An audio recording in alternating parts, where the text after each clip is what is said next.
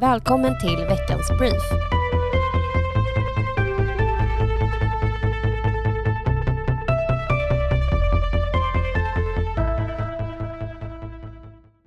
Veckans brief är tillbaka efter ett uppehåll.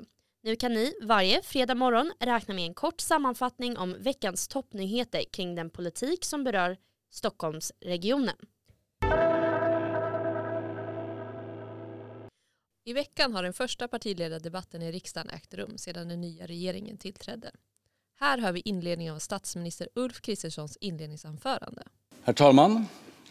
I valet så fick de fyra samarbetspartierna mandat att sätta Sverige på ny kurs. Uppgiften är att systematiskt, på punkt efter punkt, börja lösa våra allvarliga samhällsproblem. Förändring var nödvändig. Förändring är nu möjlig. Regeringen kommer att ta fasta på det mandatet. Vi kommer att genomföra ett paradigmskifte i svensk politik. Men vi är också ödmjuka inför uppgiftens storlek.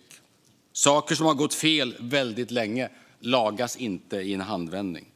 Och vi har respekt för att det finns mycket oro runt om i Sverige, runt om i världen.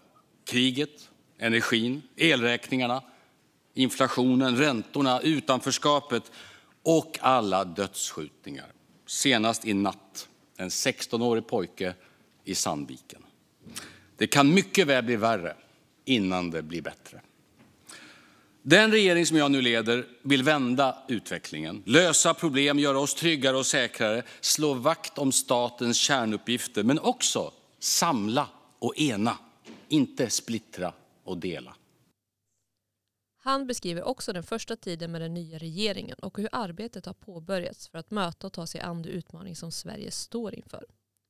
Ulf lyfter fram kampen mot den grova kriminaliteten, den svåra tid som Sverige står inför med hög inflation, energikris samt Sveriges viktiga ansökan till NATO och stödet till Ukraina som behövs för att vinna kriget och därefter freden som centrala delar i arbetet. Under veckan har ett stort fokus legat på Norrtälje kommun som beslutade att höja arvodena kraftigt för kommunstyrelsens ordförande. Förslaget har mött stor kritik. Beslutet grundade sig i att man lagt ner nämnder och tagit bort politiska uppdrag som istället skulle ligga under kommunstyrelsen. Detta för att effektivisera kommunens verksamhet. I och med det skulle kommunstyrelsen få ett stort utökat uppdrag och ansvar.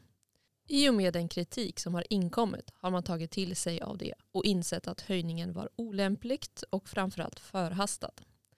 Moderaterna kommer också att kalla gruppledare från övriga partier till samtal om hur man bör jobba med dessa frågor framöver.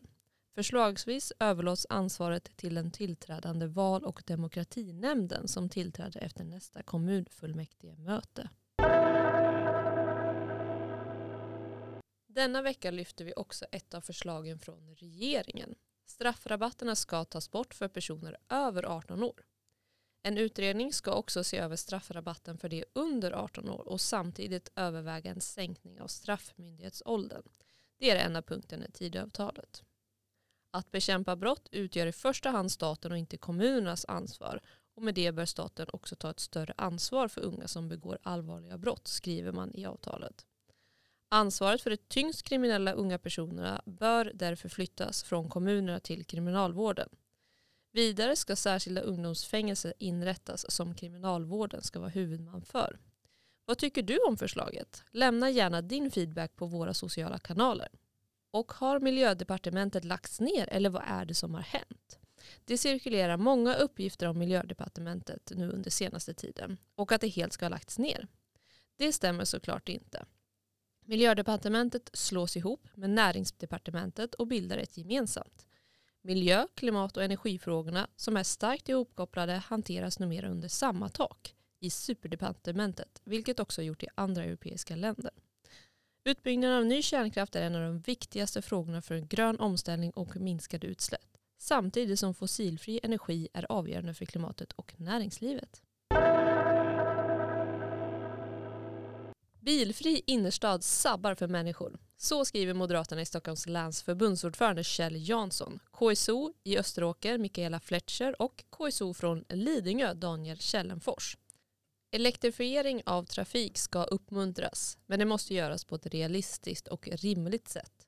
Förbud mot trafik redan 2024 är fel väg att gå, skriver de. Läs gärna debattartikeln i sin helhet på svd.se debatt.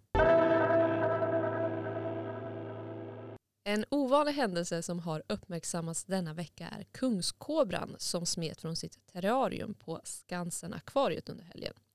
Rymningen fångades på film av en besökare och flyktvägen är tydlig. Ormen slänger sig ut genom en av lamporna i taket.